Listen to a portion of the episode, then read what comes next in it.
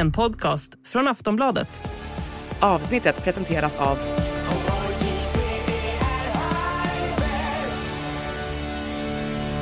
Stödlinjen.se, åldersgräns 18 år.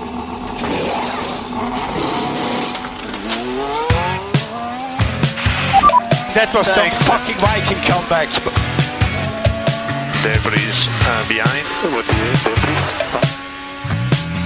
There's something strange with the engine. New pen after that. What the, what the? Yeah, what is this tractor? What is this tractor on track? Suck my balls, man. Get my claps and steering wheel. Steering wheel. Claps and steering wheel here. Mitt i sommaren säger vi hej och välkomna till Plattan i mattan. Jag säger hej och välkommen till dig Anna som jag har framför mina riktiga ögon nu. Jag kan titta på dig via luften och inte via en skärm.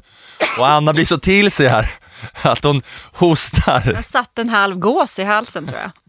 Får skölja ner det med lite kaffe som du har framför dig. Vi har kaffe framför oss, vi har fika framför oss och vi har en före detta Formel 1-domare som är svensk och heter Lars Österlind som också sitter framför oss.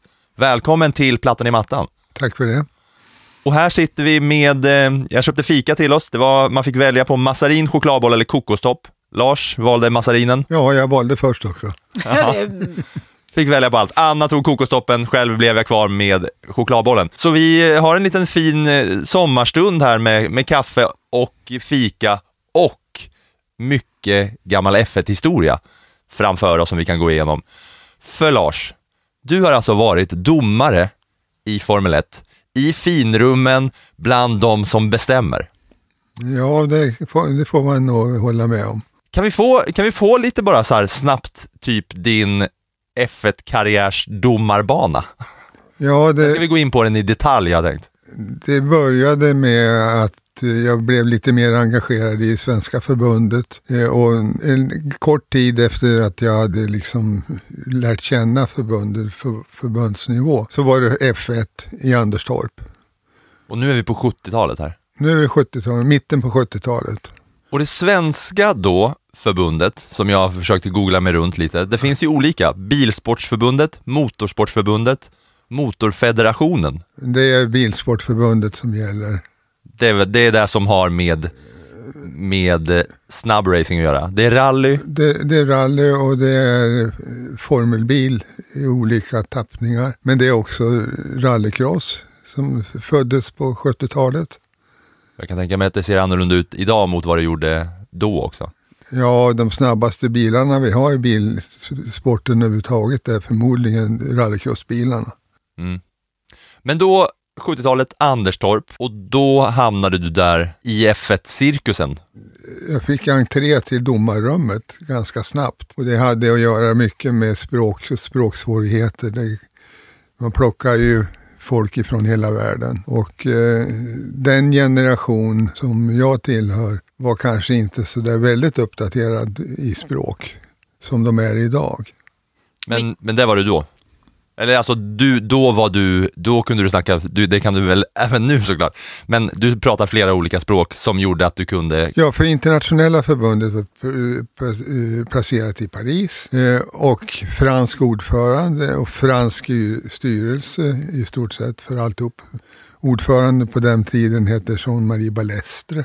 Och eh, det var franska i stor utsträckning på alla sammanträden. Väldigt många av de engelsktalande från USA, Australien och varifrån de kom någonstans så hade de ju bara ett språk och det var engelskan. Så eh, jag, jag lyckades på sätt och vis bli accepterad i båda de här lägren.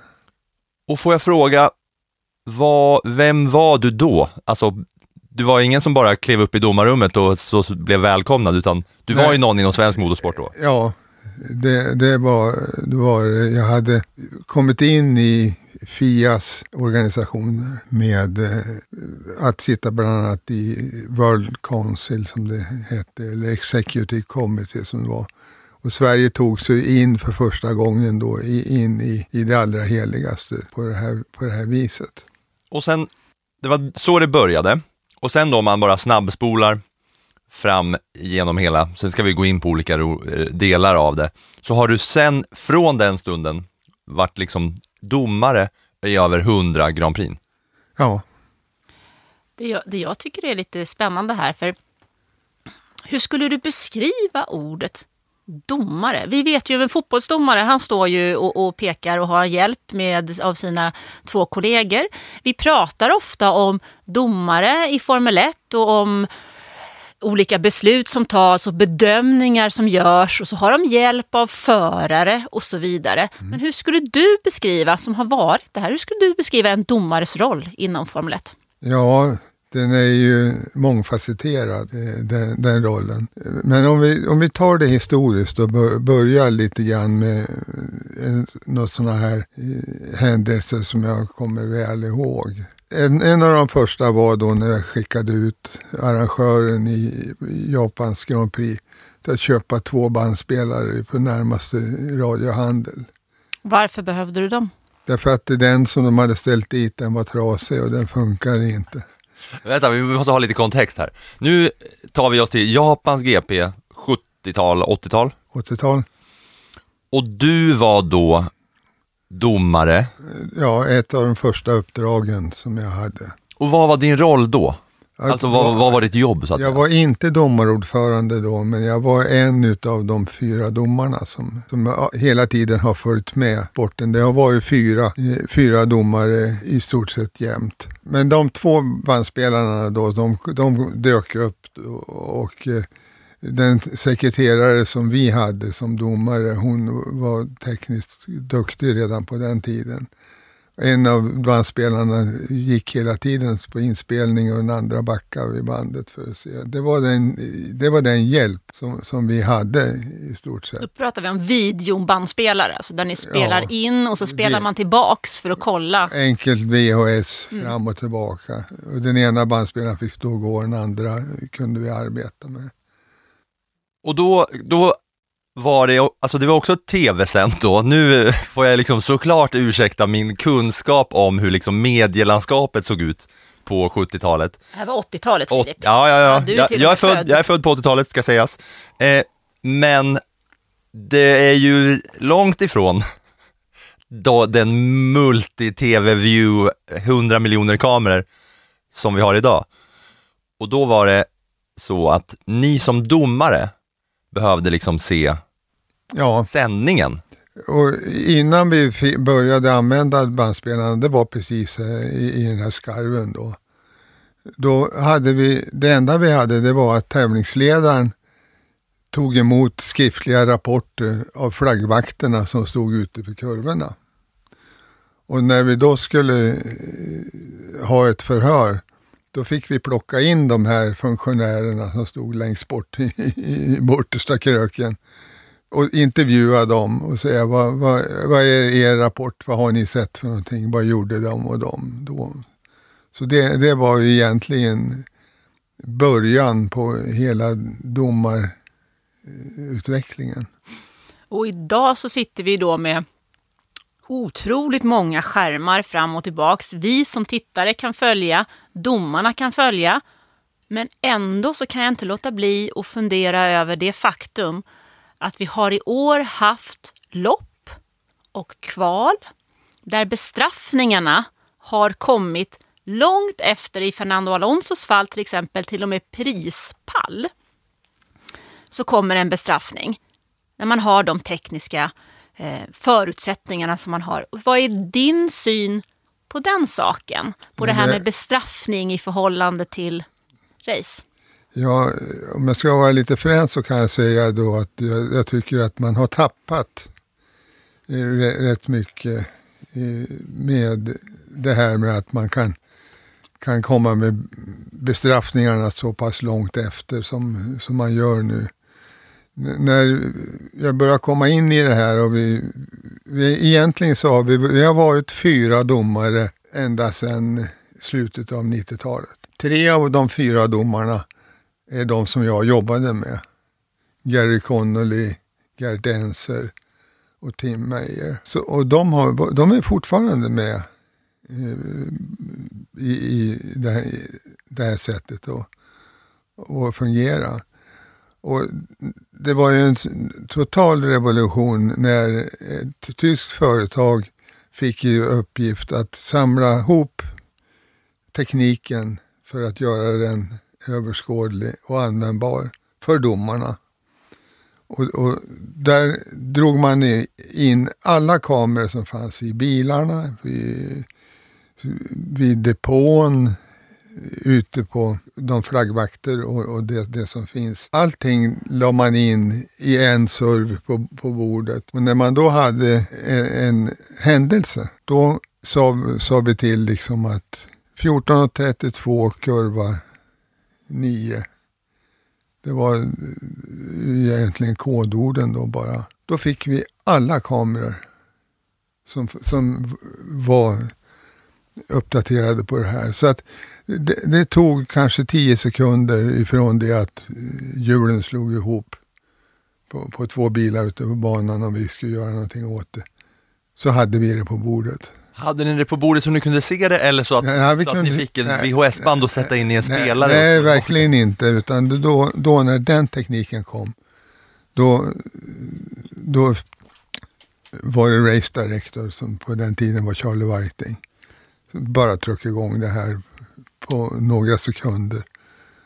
Och, och då, då fick vi verkligen någonting att arbeta med. Därför att då var vi före journalisterna och före team managers. Vi, vi, vi låg absolut längst fram. Hur lång tid hade ni på er då att ta ett beslut? Ja, eh, vi hade, vi, det var ingen som sa att ni har fem eller tio minuter på er. Men vi hade själva då ett, ett mål och det var att alla bestraffningar som gick att reda ut med de fakta vi hade på bordet, regelverken eh, och och så vidare.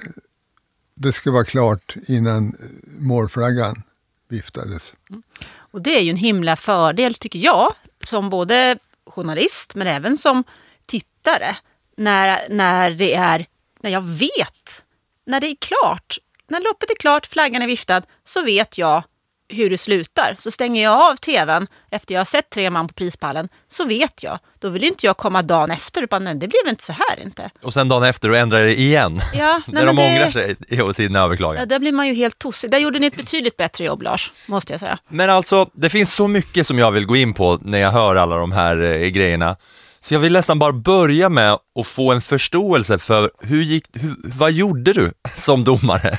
Alltså vad var dina arbetsuppgifter? En racehelg i början av karriären så att säga. Ja, det var väldigt tidigt så fick jag rollen av att vara, när jag jobbade så var jag ordförande i domargören. Det gjorde ju då att jag satt ständigt uppkopplad till race directorn som var Charlie Whiting. Så, så att vi hade en öppen lina både under träningen, under kvalen och under, under tävlingen. Men du var då en liksom resande man som reste med hela, alla F1-lopp, varje racehelg. Ja, det var ju 20 F1-tävlingar och vi var fyra domarordförande så att Ja. Dela upp dem där. Vi delade upp dem. Nu, den fjärde då som kom in efter att jag hade bestämt mig för att sluta. När slutade Eh, du? eh, sjö- eh, 2017 på Monza. D- Gjorde jag min sista tävling. Eh, Och, den, eh, och det var jag väldigt noga med att nu har jag gjort det här. Det har gått så bra. Jag har aldrig blivit dragen i, i någon överklagan till Court of Appeal eller, eller någonting. Utan det var ett rent bord. Och då kände jag, går jag ut nu 17 här så, så gör jag det med flaggan i topp. Vem var det som ersatte dig då? Tim Meyer. Tim Meyer. Mm. Och, och på mitt förslag. Jag- Jag vill, jag vill tillbaka, jag vill förstå vad du gjorde, vad, vad, vad, vad du gjorde. Hur, jag vill liksom se hur, hur, dagarna, hur dagarna såg ut, hur racehelgerna såg ut. Men vi kan väl be dig Lars om att få en, alltså hur ser en, vi vet hur en racehelg ser ut för en mekaniker, för det har vi pratat med Charlie Häggstam om. Vi vet hur en racehelg ser ut för förarna ungefär och för teamen. Men hur ser en racehelg ut för en F1-domare? När kommer du till banan? Vad händer? och hur funkar det? Vilka träffar du? Vad får du för mat? Man kommer på, om, om det är en vanlig helg då, så börjar man ju att köra träningen på fredag morgon. Och det betyder att man ska ju, behöver vara där, inte på torsdagen utan på onsdagen egentligen. Därför att det första som händer det är att Race Director har ett möte med första, först och främst alla team managers. Och då är vi med också. Och då pratar man med team managern om hur var det för sista tävlingen här? Vad har ni sett när ni har gått runt banan här? Vad har ni för funderingar och så vidare. Sen på fredagen då har man ett likadant möte med alla förare och alla team managers. Och där är vi också med då. Men eh, de mötena de hålls utav Race Director. Och här är en, en del av det som jag tyckte var väldigt spännande och kul att få vara med om. Eh, och också beundrat skickligheten som den race director som jag jobbade med då hela tiden. Det, det var Charlie Whiting. Och, och han, hans sätt att hantera förare, team managers, funktionärer och så vidare. Det skulle vara flera kapitel i de bästa ledarskapsböcker man kan tänka sig. För att sätta han i perspektiv då. Är det han, hade han samma roll som No Michael, No No, it was so not right? Nej, han var ju betydligt större. Alltså, no, alltså Michael Masi har ju ersatt Charlie Whiting. Ja. Men eh, vi kan ju inte jämföra en... eh, Alltså, Men jag menar ja, ti- nej, bara men- titelmässigt. tit- Race director. Ja, race director, men du kan ju inte jämföra. Charlie Whiting är ju Formel 1. För Mm. alla som har följt Formel 1 länge så är ju han allt som har med regler och domar och precis som Lars säger, alltså ledarskapet. Det var ju ingen som skulle säga No Charlie No. It was so not Det, right. så, det, det finns inte. Refererar det till Abu Dhabi. finns- nej. Det finns inte. Så han, han skulle aldrig skapa den situationen heller, Charlie. Precis, och det, därför så kan man inte... Det är nästan så att jag blir upprörd här Filip, Bra. när du, ens, när du ens tror att du kan jämföra detta. För det är en sån oerhörd skillnad. Alltså vi pratar ju om, One of the greatest of all time och one of the worst of all time. nej men vi pratar om någon som har verkligen byggt upp Formel 1 till det det har varit och sen tragiskt avlider i samband med en F1-helg faktiskt som, som Charlie Whiting. Alltså att, att kliva i hans skor, det ska ingen människa egentligen behöva göra för det är helt omöjligt att fylla. Men kontext till vad rollen titulerades som, Race director, i alla fall. Men det jag skulle vilja fråga här när du berättar om de här mötena då som Charlie Whiting höll och där förarna var med och domarna var med. Är det förarnas del i det här mötet? Spelar de en väldigt aktiv roll? Är det mycket diskussioner och, uh, kring saker som har med bana och säkerhet att göra idag? Eller är det, vad har de för roll? Alltså det är väldigt sansade diskussioner i, i de här mötena. Det är väldigt, väldigt sällan som någon överhuvudtaget höjer rösten eller, eller ifrågasätter någonting utav det som, eh, som sägs eller görs. Mm, jag är typ nyfiken på så här, hur reste ni runt, ni domare? Flög ni business? Bodde ni på liksom lyxhotell? Hade ni Ja, det- kavaj och kostym varje dag? Ja, det var nog kanske det, det som gjorde att vi, vi, Levde ni det goda livet så att ja, säga? vi var ju ideella alla och de är det fortfarande i domarjuryn. Det är ingen som får något betalt för det. Vad i helvete? Jag fattar du alltså? En domare i Formel 1 får inte en krona betalt. Vad får en VM-domare i fotboll? Helskotta. Hur, hur, hur, hur är det möjligt? Eller hur, hur fan gick det till? Ja, nej, men det, det började på det viset och sen fortsatte det.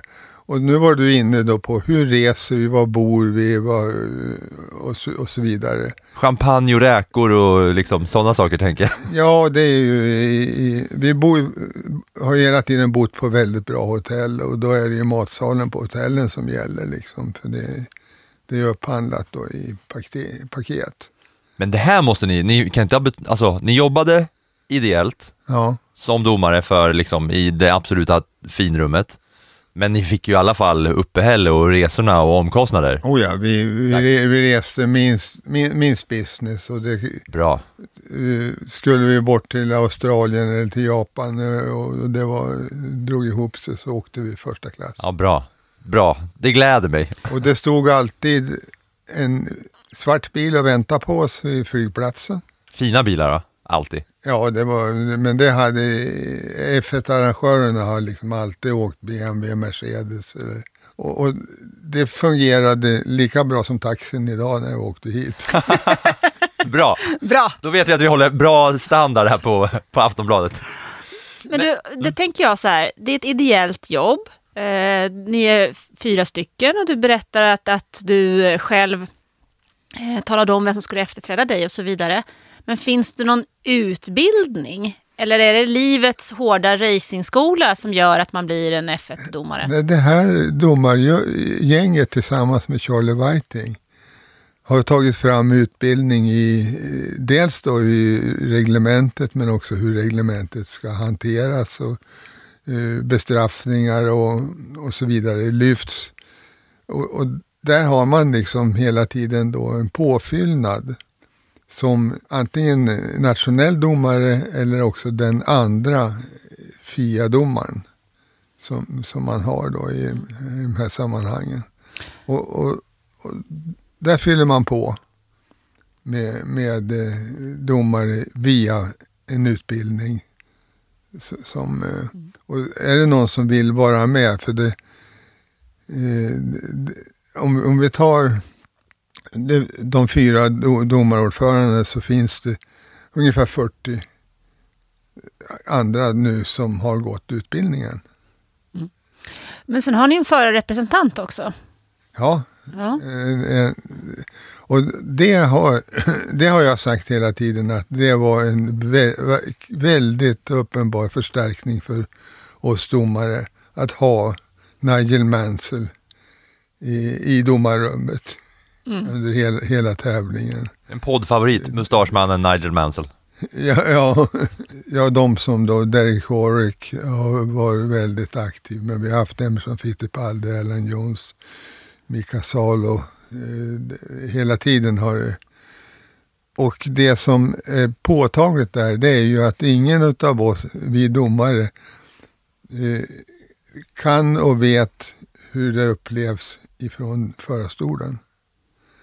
Och det är där man har då fått helt nya perspektiv på det. Där de liksom säger, ja men om man, om man bromsar på det där viset, då sitter man i räcket. Man obstruerar någon eller så- sådär.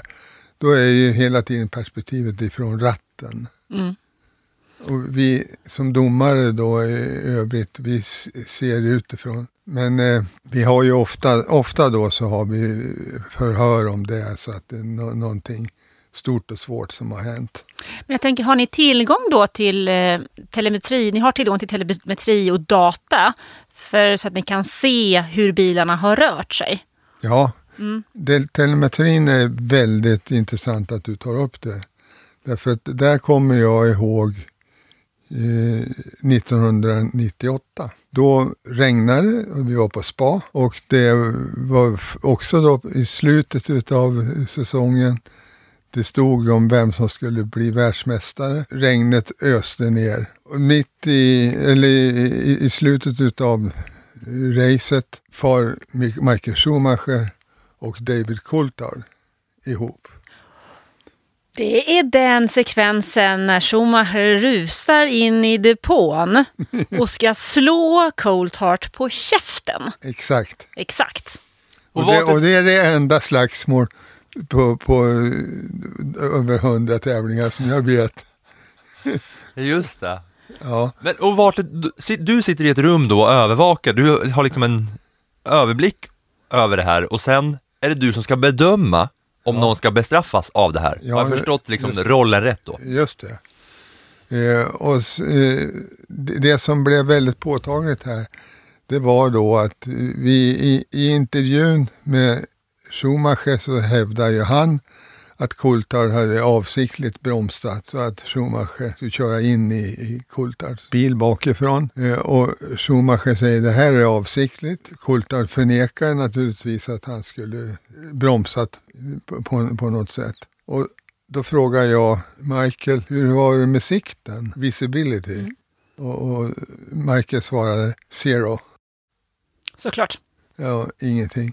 Och då var första gången som jag kom på, men vi har ju telemetri. Vi har ju i varje bil sitter ju flera datorer som kan skriva ut precis hur mycket du har bromsat, vilken fart du har och, och eh, när det, det smäller ihop med de här. Och telemetrin visar ju då att eh, Coulthard hade inte gjort någonting konstigt överhuvudtaget. Michael hade liksom full fart rätt in i. Men det ska nu se jag att din hjärna snurrar här i ungefär 280 knyck. Ja, jag försöker gå igenom alla YouTube-klipp som jag har gått igenom Ja, över så här classic precis. F1 moments och controversies och crashes. Och då kan jag bara dra en liten sån här kort, kort historia om man ska förstå vilken tidsperiod vi jobbar med här. Det är alltså Michael Schumacher, jag har ju bott i Tyskland så länge så jag kan ju inte säga Michael, då får jag ju ont i hjärtat. så jag säger ju Michael Schumacher, han är alltså världsmästare för Benetton 94 och 95. Sen har han flyttat till Ferrari för att köra hem den här VM-titeln till Ferrari som de så himla... Hela Italien drömmer ju om detta. Men 96, när han kommer dit, det blir det ingenting. 97 är han inblandad i en otroligt tuff säsong och ganska ful säsong som avslutas i Jerez eh, med en incident med Jacques Villeneuve som vinner det världsmästerskapet och han är i stort sett hatad över en hel värld. Han diskas till och med från eh, mästerskapet där. Sen är vi framme då vid 98 när han återigen är i en titelfight med Mika Häkkinen i McLaren. Häkkinen som har liksom kommit tillbaka efter en svår olycka lite tidigare i Australien eh, och eh, med McLaren på väg uppåt och framåt. Och sen då Schumacher i andra ändan som har ett driv efter den här VM-titeln. Han vill bevisa sig själv att de här två titlarna han tog med Benetton, det var ingen tillfällighet. Utan det är starten för det här järngänget som sen från och med år 2000 vann fem titlar i rad. Så det är i den situationen vi är. Plus att vi är på spa. Och Spa och Michael Schumacher har ju en otrolig betydelse för de som kan sin F1-historia. För det var där som han gjorde sin debut. Det var där som han tog sin första seger. Och det, där har han säkrat VM-titlar senare. Han har kört sitt 300 lopp också på Spa. Och det är en bana som ligger inte allt för långt ifrån Kerpen i Tyskland där han är uppvuxen och född. Så det, det är liksom Michael Schumacher-land. Så att han då i, den, i den här stressen i jakten mot VM-titeln säger just zero visibility. Det är nog ganska typiskt för han är så på, han vet vad han måste göra för den här VM-titeln och han har inte en tanke på att Lars kan avslöja honom med brallorna nere. Nej, Och det var det som hände alltså? det var det som hände och det var, Drog första, ner brallorna på... det var första gången som telemetrin användes aktivt är det sant? utav eh, oss domare. Jag minns ju bara bilderna på när Schumacher springer i depån. Såg du det live? Ja, ja, oh, ja. Hur? Beskriv situationen. Ja tack. Ja, eh, nej, nej, det, det, de tog ju det precis när han kom ner till Coulthard och då hade ju eh, folket runt omkring särat på de här. Jo, men han sprang ju med Ja, näven men- i, i... Alltså det var ju som en sån här tjurrusning. Jag skulle springa och klippa till honom. Vi ska lyssna lite på den här eh, händelsen. And let us not forget that David Coulthard in these appalling conditions. Oh God! Michael Schumacher hits David Coulthard and is out of the Belgian Grand Prix. Maybe he should have been a bit more circumspect about trying to pass him. Well, what an incredible development. Look, Coulthard appears to lift. And look at the spray. No wonder Michael can't see anything. There's absolutely, he just can't see and just runs into the back of David Coulthard. Angrily throws his steering wheel out of the cockpit with every good reason. You can understand his fury because now what is he up to? He's storming down the pit lane, presumably to go. Uh, look at him! Look at him! He's he's saying, "I'm going to the stewards." He's James. James, can you can you enlighten? He's going to Coulthard. He's going to have it out with David Coulthard. This is a bit like Nigel Mansell and Ayrton Senna at that Belgian Grand Yes, Prix when Nigel got him by the throat. James, what's the news? Unbelievable altercation, as you say. Jean Touch there, he's dragged his driver away. Michael, absolutely furious. I just saw the car as I came in, absolutely destroyed the front suspension. He's walking past me now. He's ready, he's close to tears, guys. He really is. He cannot believe this race has gone away from him. Absolutely furious, Michael Schumacher. And I just wonder, you know, I wonder whether the, whether Coulthard, you know, really saw that he was there. He definitely backed off. It's a very strange incident, that. Schumacher kutar in då, ska spöa på Coulthard. Och efter det så blir det den här bedömningen där du då har huvudrollen så att säga. Mm. Där du drar, rycker ner brallorna på Schumacher och säger app, app, app, din gamla tysk. Ja, vi tog fram det fakta Här har du. till. Vi, vi, vi, Försök inte med mig. Vi, vi rörde inte Schumachers brallor utan vi, vi, vi använde den, det som vi nu hade tillgång till. Han drog ner brallorna på sig själv framför er. Ja, men bildligt och bokstavligt så avslöjar det honom fullständigt i Ja. det läget. Och det här resulterar då i att han bestraffas. Ja. Och då är det baserat på ett regelverk som du har varit med och tagit fram. Ja, vi, har, vi jobbar ju med regelverket. Ja. Pro- processen för att ändra reglerna, regelverket, den är lite större. Det är Formula 1 Commission, Team Managers och Race Director. Det är som att ändra en grundlag, typ. måste gå liksom Ja. en mandatperiod mellan och dubbla regeringar ska liksom rösta för den här förändringen. Det är inte bara att ni, du öppnar boken och skriver om reglerna, utan det kan Nej. gå igenom lite fler eh, Men däremot, däremot så är det då jämfört med många andra idrotter som är väldigt stagnerade. Så går det att ändra regelverket här. Det man har jagat i Formel 1 för, i 20 år, det är ju hur man får eh, mer omkörningar och hur man får eh, mer, mer Spänning på banan. spänning på banan. Där man jobbat då med allting, olika typer av däck, däckbegränsningar och begränsningar på bilen och, och så vidare. Sen är det ju så att Formel 1 är ju lite speciellt kan man säga i förhållande till andra idrotter, precis som Lars säger. För att inom Formel 1 så är ju faktiskt teamen med. Alltså under många år så har det varit en absolut majoritet av teamen har behövt vara med och bestämma när det gäller vissa typer av regeländringar. Och det är inte så många andra idrotter, till exempel fotboll. Om man har ett VM i fotboll så är det inte så att Italien, Frankrike och, och, England är med och sätter reglerna för hur fotbolls-VM ska vara. Men så är det ju inom Formel 1 att teamen är, precis som Lars säger, då, team manager. De är delaktiga i regel regelprocessen. Så kan man Hade man haft sa- samma inställning till regelverket som eh, det har varit i Formel 1 nu, då hade man säkert tagit bort offsiden i fotboll för länge sedan. Ja men säkerligen. Så att det, det är ju en... Eh, och Formel 1 är ju...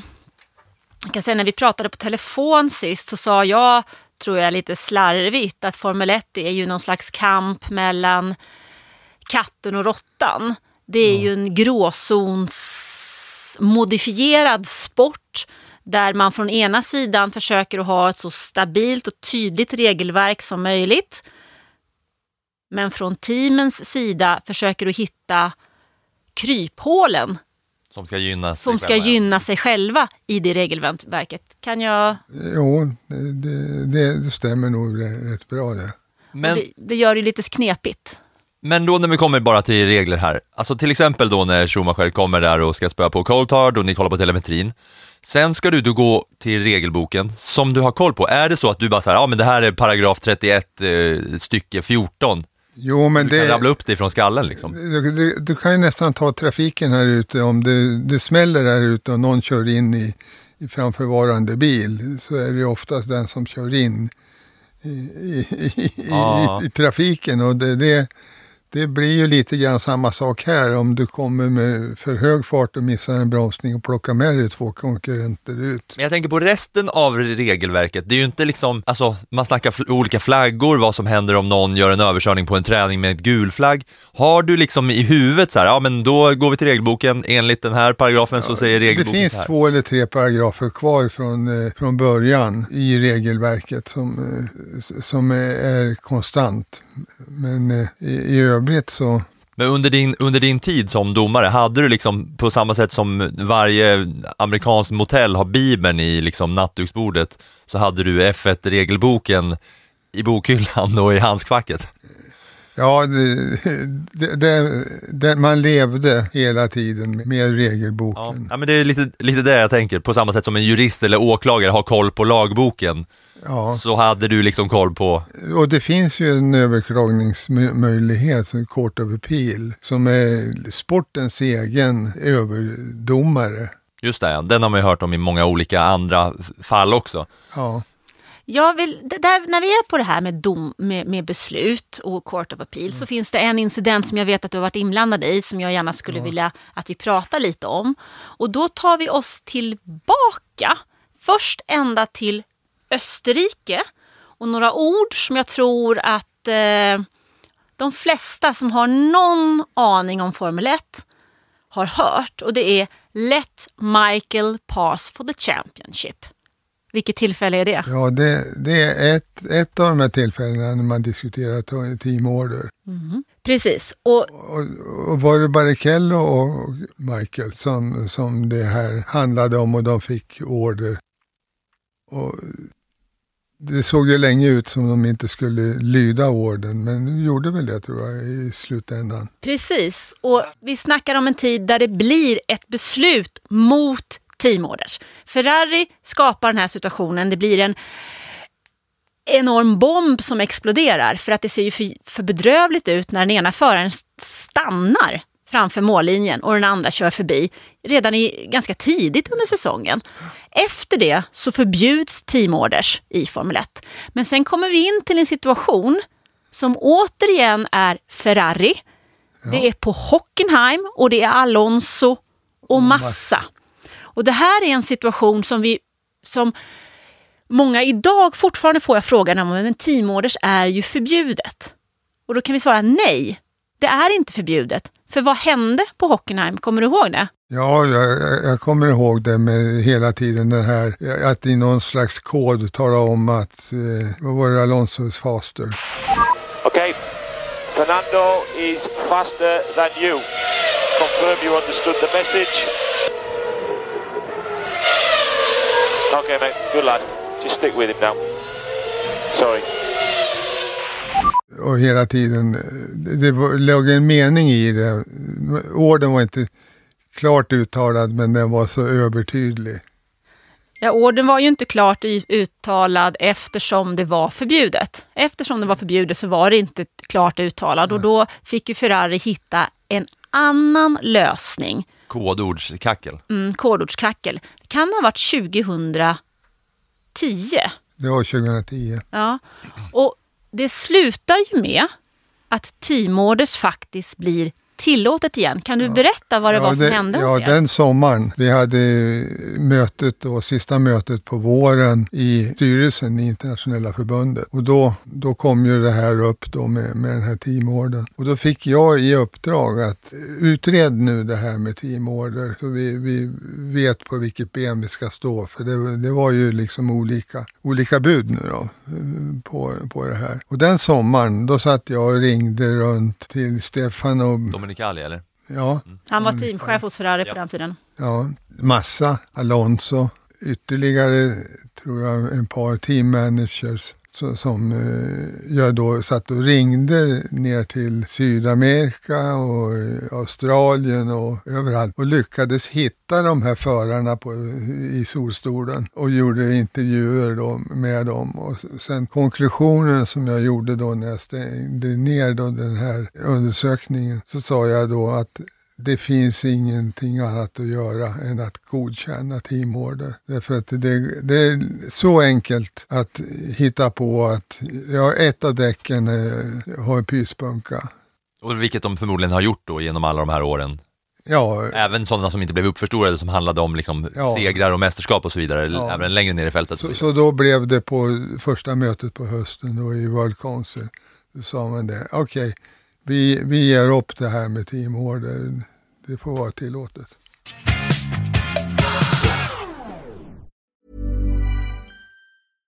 Ryan Reynolds here from Mint Mobile.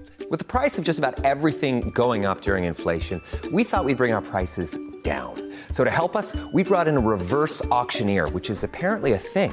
Mint Mobile unlimited premium wireless. Ready to get 30, 30, bit to get 30, bit to get 20, 20, 20, bit to get 20, 20, bit to get 15, 15, 15, 15 just 15 bucks a month. So, Give it a try at mintmobile.com slash switch.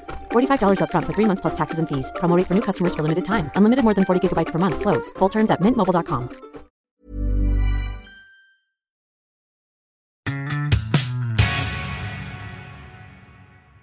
Jag undrar, när du då satt och jobbade utöver racingen, Ja. vad, hade du ett kontor här i Sverige, satt du i Paris, satt du på Fias huvudkontor? Vad, Jag, jag jobbade ju det heltid eh, för min försörjnings skull. med, med något annat? Ja, jag var ju vd i ett företag. Och sen gjorde du det här, Så gjorde det här på, på, ja, på fritid. Och sen var jag ju det här är ord, så jävla imponerande alltså. så var jag ju ordförande i Svenska Bilsportförbundet i tio år un, under den här perioden. Men en annan sak, när vi, nu, jag kan inte riktigt släppa det här med de här sakerna som du faktiskt har varit med om. Ja, jag håller med. Jag vill gå igenom stora klassiska händelser. Kla- du har liksom suttit så länge så att du har ju liksom varit, eh, du har liksom varit domarboss när Schumacher körde, Senna, Niki Lauda, Heinz Harald Frentzen. Jag har, Alla! jag har en målflagga så stor som eh, den där bilden. Som jag fick när jag slutade. Det var en klar överraskning. Hela eh, startlistan på Monza har jag satt upp på väggen och sen har de då skrivit sina namnteckningar. Hela startfältet i, i Monza. Griden 2017. Ja, och eh, Charlie Whiting och, och eh, Sean Tott och, och så vidare. All, alla har skrivit då ett stort tack. Ja, det är fantastiskt. Ja, det, det, alltså jag känner fortfarande när de kom och jag fick den på, på mötet här att jag har ju aldrig kunnat fått någonting som var så påtagligt. Det är otroligt. Ja. Och då var det liksom, då var det efter all den här tiden som du har, du har liksom gått igenom alla de här generationerna av förare och storheter, eller vad man ska säga. Ja, på, på, på den här tackbiten så har jag åtta världsmästare. Det är fantastiskt. Och när vi är inne på den åtta världsmän, då tänker jag också att vi ska ta oss tillbaks till en annan sak som jag vet att du var med om. Det har vi pratat om här tidigare och det är Crashgate. Oj ja. Oh ja, säger du direkt.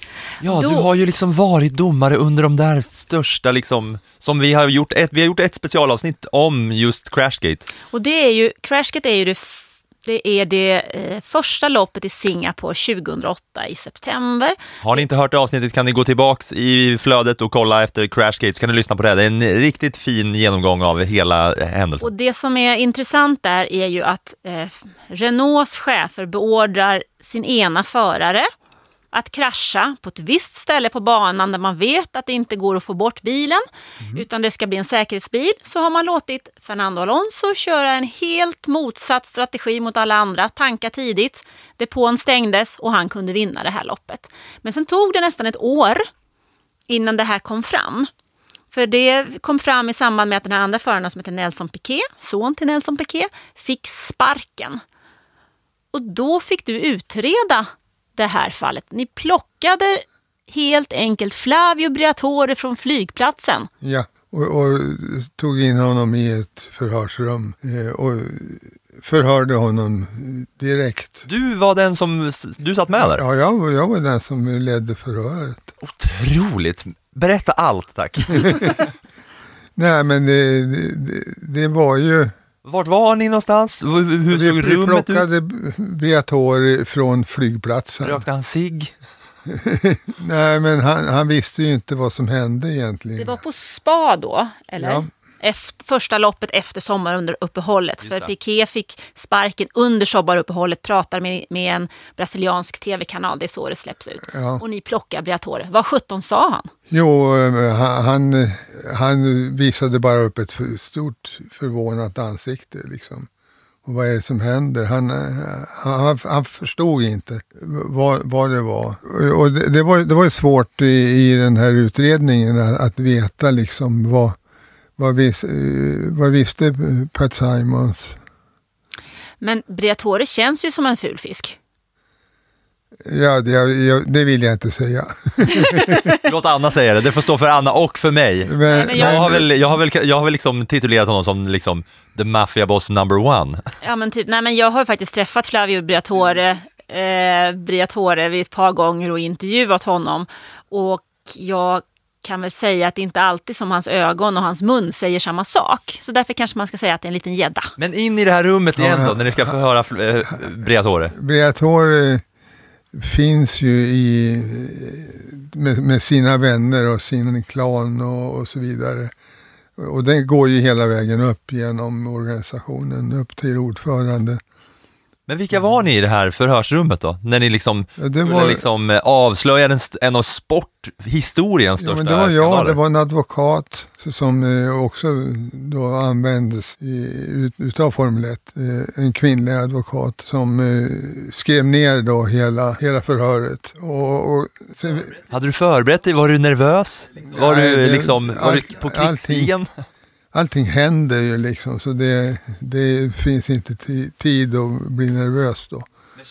Men kände du att det här, nu har vi en av de största liksom, skandalerna Ja, i sportens historia på gång här. Nu, nu är, finns det en som vi inte har pratat om här och det är Max Mosley. Och Max Mosley var ju ordförande i, i World Council Och i Fia. och i FIA. Och Max var med på förhöret. Så, Men där eh, liksom, du radade upp så här, okej det här har hänt, du Ja. är ansvarig för det här, ja, vi tror att du har gjort det här. ja, alltså, det är klart vi talar om att det, det går de här ryktena om det här och det här är jätteallvarligt. Och sen så börjar vi förhöra då för försöka förstå vad Briatore hade fattat. Hur, om han var inblandad, om Pat Simons var, var inblandad, om Piqué var inblandad. Och det blev ju inte något färdigt konstaterande utav de här förhören. Det, det, det, det var ju, men, utan det kom ju senare. Då hade man eh, en whistleblower. Eh, vi har ju det här i svensk lagstiftning numera också då, visselblåsare. Men då när den visselblåsaren hade gett sig till känna, då kom det här upp på bordet på World Council och där kom bestraffningarna sen. Och de var ju, de var ju väldigt, väldigt tuffa alltså. När Briatore blir avstängd för resten av livet. Hur reagerade han? Insåg han vad han hade gjort? Jag, jag tror det tog lång tid innan han, han fattade. Sen försvann han ju ur den här offentligheten. Jag tänker när, när ni hade då Briatore på ett ställe och Pat Simmons på ett ställe för att de inte skulle prata med varandra så att ni skulle kunna skaffa er en bild av det. Var båda två lik, de var, var de medvetna om vad de hade gjort och försökte dölja det? Eller trodde de att de inte hade gjort något fel? De trodde nog eh, in, att de inte hade gjort något fel. Jag, om jag kommer ihåg rätt så försökte man liksom att gå in på kraschen med piké i räcket och fokusera försvaret på det och säga vad är det som säger att den här kraschen skulle vara beordrad eller förberedd på något vis.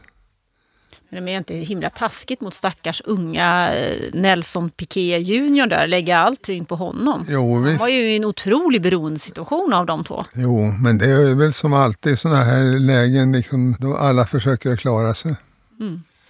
Vad har du med för sådana här stora, eh, liksom, det behöver inte vara skandaler, men ändå som du, dina liksom, största minnen av stora Formel 1-händelser där du själv har spelat liksom, en roll? För det kan man väl minst sagt säga att du gjorde här va? Ja, det gjorde jag ju och... och eh, Kan man säga att det var det i- du i- som satte i dit. Briatore eller? Nej, det gjorde de själva. Han satte dit sig själv?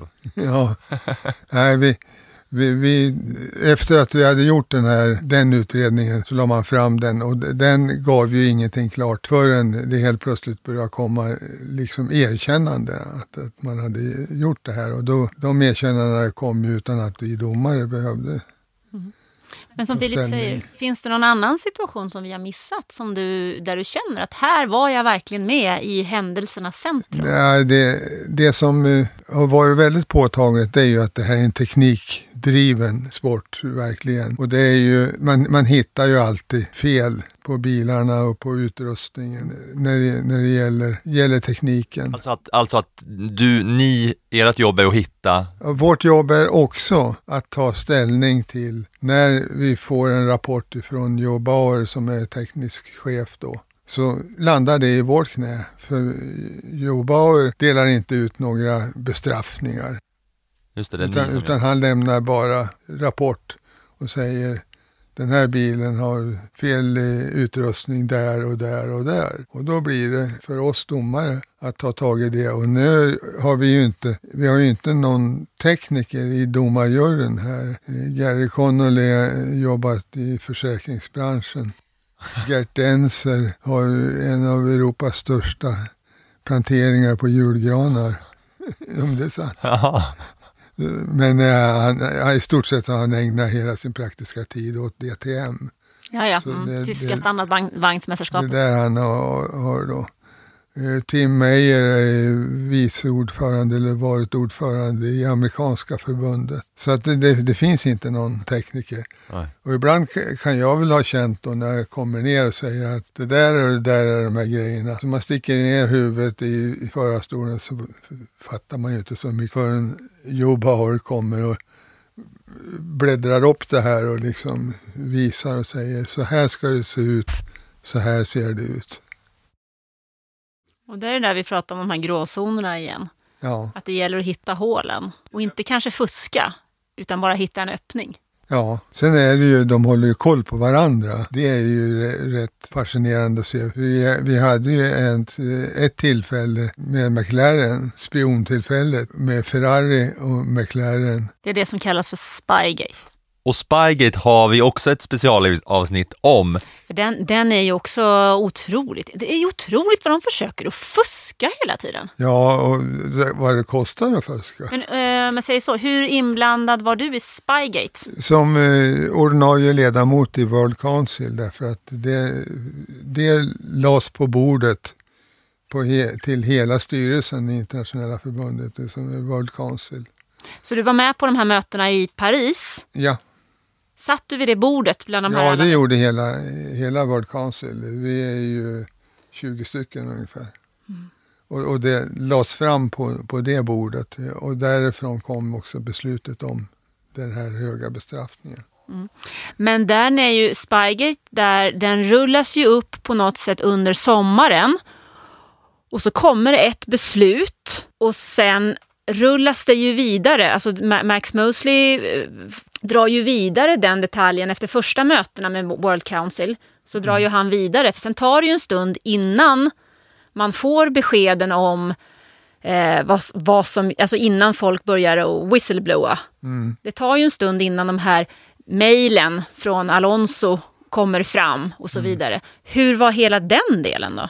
Det, må, det var ju en ganska lång del från mötet, första mötet med World Council till de här 100 miljonerna. Ja, det, det var ju då förhandlingar i väldigt mycket mindre grupp.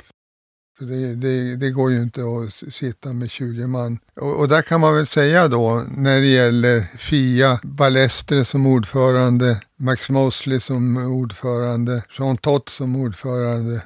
Och nu vet vi ju inte så mycket om eh, Mohammed Ben Salayem än. Han har ju inte, inte profilerat sig på något vis. Men Balestre, Mosley och Tott har ju varit väldigt starka ledare för att hålla i den här mycket komplicerade sporten då med, som vi har varit inne på. Teknik, juridik. Mm.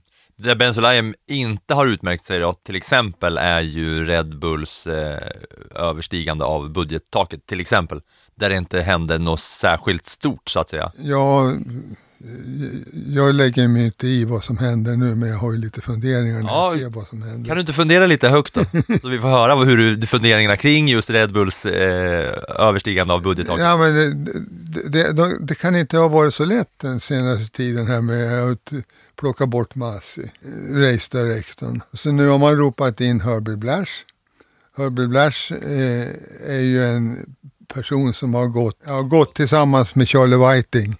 De, de var ju ett, ett team liksom hel, hela tiden. Eh, Och eh, Tott, väldigt fransk i, i sitt utövande utav ordförandeskapet i, i det här. Och sen eh, nu är det ju då nytt blod. Mm. Lite uppblandat kan man också säga när man tittar på vilka sitter i den nya World Council. Eh, där, där Sverige har fått in en person Anna Nordqvist, som... namne med golfaren, som det kanske inte är, som sitter här. Det hade varit otroligt om hon var proffsgolfare på LPGA-touren och satt i World Council för FIA.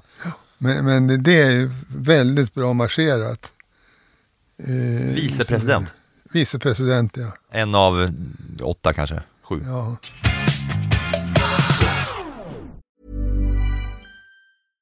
Ryan Reynolds here from Mint Mobile. With the price of just about everything going up during inflation, we thought we'd bring our prices down. So to help us, we brought in a reverse auctioneer, which is apparently a thing.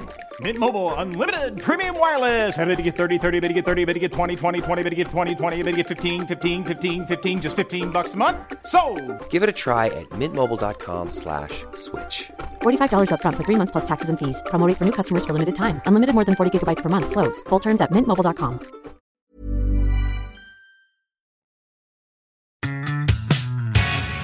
Om vi bara tar några, om, om Anna och jag bara får så punkta upp några saker som du bara lite snabbt får Ja, kommentera då. Kör. Och se vad du tycker. Alltså, f- formulera, formulera lite kort, men tyck gärna vad du tycker så att säga. Skulle Red Bull straffas hårdare eller mindre för att de eh, övers, överskred budgettaket? Nej, det finns en regel som är solklar och finns det då eh, information som säger att man inte har följt regelverket, då, ska, då ska det inte vara någon annan eh, gång av ärendet än att det ska bestraffas. Så skulle de bestraffas hårdare eller mindre? Ja, det, Eller var det rätt? Det var rätt som det blev. ja, man har ju i alla fall agerat. Ja. En annan sak som jag börjar fundera på här när vi pratar om så här 100 000 dollars eh, bestraffning. Var fan hamnar alla pengar? Vart, vart, vart, vart hamnar de? Ja, det har jag också funderat på. Ja, inte i din ficka i alla fall. inte, i- Nej, inte de, min det är ju sådana jäkla summor. Vart tar de vägen? Förutom till liksom något eh, så här skatteparadis någonstans. Jo, men de hundratusen som det handlar om, de, de har ju använts för att locka in, liksom stimulera nya grupper eh, och, och nya aktiviteter. Ungdomar. Vi har ju, det är inte bara F1 utan det har ju hela skalan ner till go-kart då. Så det går ner till gräsrötterna på något Ja, sätt? Ja det, liksom det gör det. Det, det fonderas för det går inte in i någon, någon vanlig räkenskap. Det jag funderar över också som du som domare sitter. Vi har ju under tiden som du har jobbat och även efter det haft väldigt stora regeländringar. Krävs det regeländringar i Formel 1 för att sporten ska leva vidare som du ser det? Ja, och det man jagar det är ju liksom att få, få större chanser till omkörningar, mera eh, race, Racing. racing. Eh, och, eh, och där har man ju då tagit väldigt stora grepp. Ta de här däcken som skulle vara mönstrade till exempel eh, Eh, för ett antal år sedan. Eh, och, och, och sen, sen har man ju jobbat hela tiden med att hålla motorstyrkan nere. Nu är vi uppe i 350 kilometer i timmen liksom. Och, och går jag tillbaks så, så var det ju sällan som man kom längre, eh, körde fortare än 220-230. Mm. Men de behövs liksom regeländringarna för att hålla sporten Ja, på rätt och Max spår. Mosley var, var den säkerhetstänkandet. Eh, och han, han drev igenom de här begränsningarna. eh, för att det inte skulle vara för, för farligt. Nej, för det går ju inte heller om folk, alltså så som det var på 70-talet, när man inte visste om man, man skulle överleva ett race eller inte. Det Alltså, hade det är ju så inte otroligt man kollar på gamla filmer. Alltså, jag har ju senaste dagarna kollat på mycket gamla, gamla race och bara att den som står och vevar på schackruta flaggan står ute på liksom målrakan. Ja, men- Bara det här är ju helt otroligt. Jag har ju en eh, som ligger på sidan om det här, men eh, när Toivonen dog i rally-VM, eh, då var jag med, åkte ner på natten till Ajaccio. Vi hade ett möte där vi var tre stycken. Det var Balestre, det var Lancias teamchef och jag. Mm. Och då bestämde vi oss för att vi skippar Grupp E-bilarna. Det är det största som har hänt på rally. Vi tog bort hela, hela klassen. Det är för farligt med, med de här Grupp E-rallybilarna. Henry Toivonen, en finsk rallyförare, eller hur? Ja. Som omkom i Omkom. race.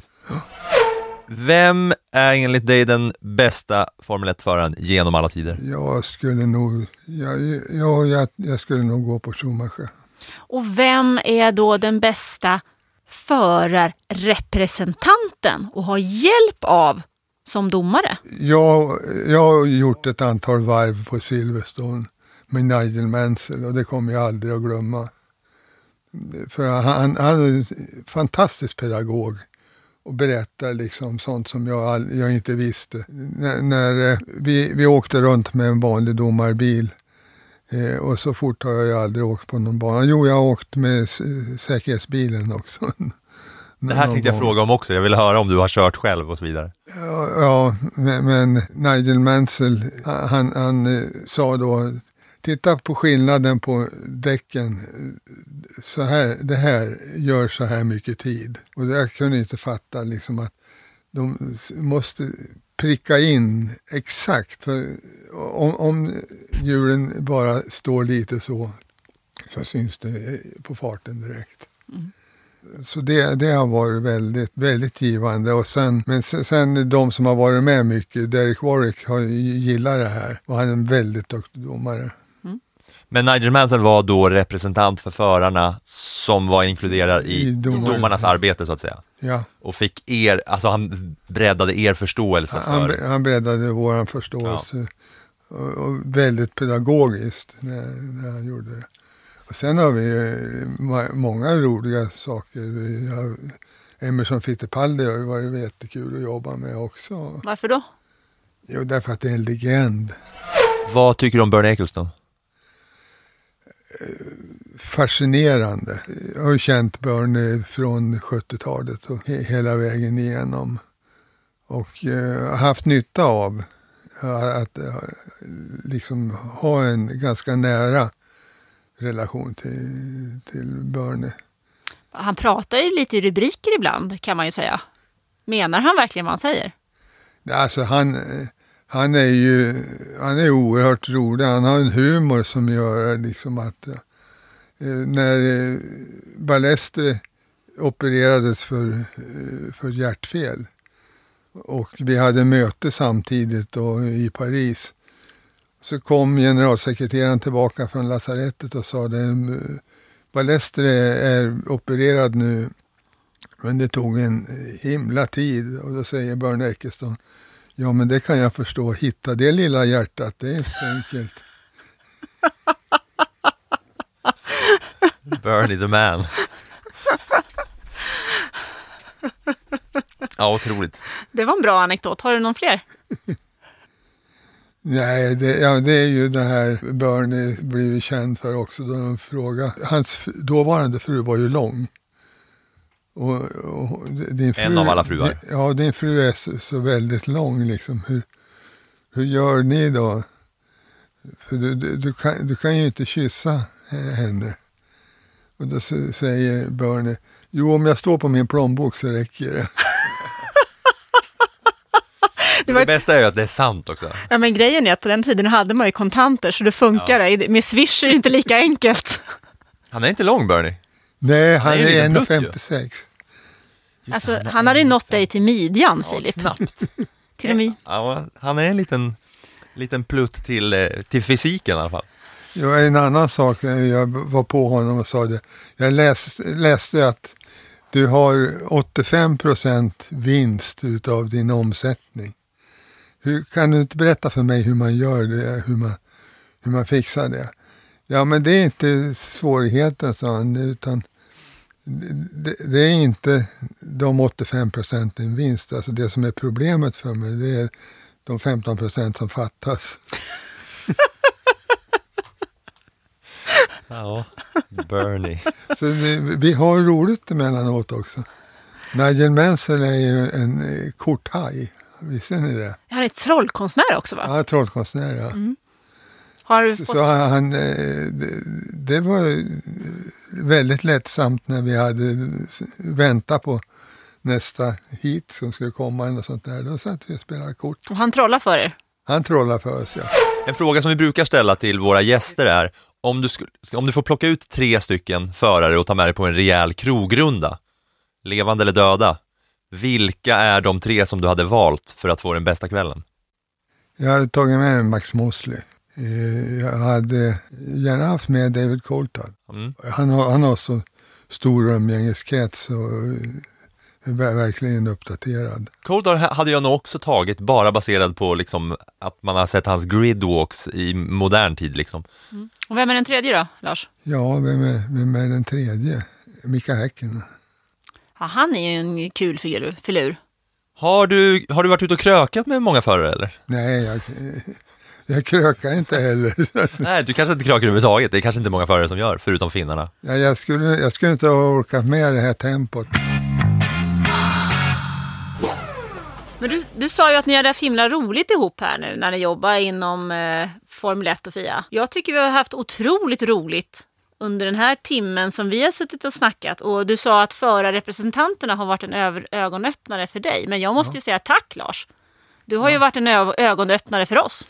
Alltså bara för mig att få höra att vi har en svensk person som har alltid funnits med i bestämmande rummet i det liksom motorsportens finrum. Bara det var liksom en ögonöppnare och mindblower för mig.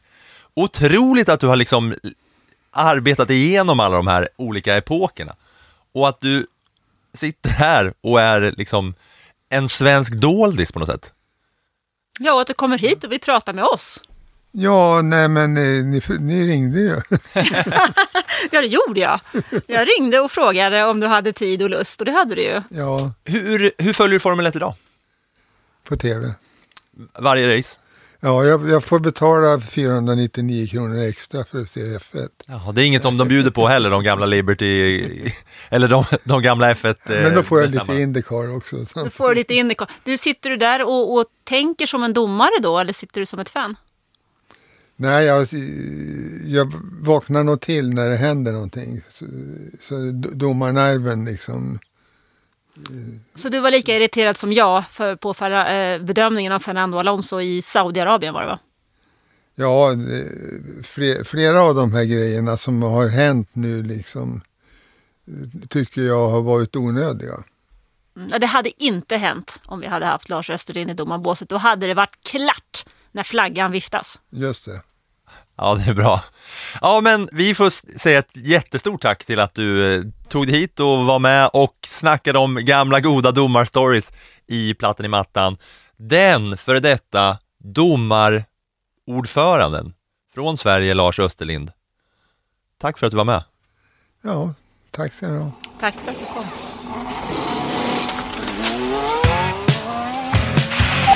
That was some fucking Viking comeback.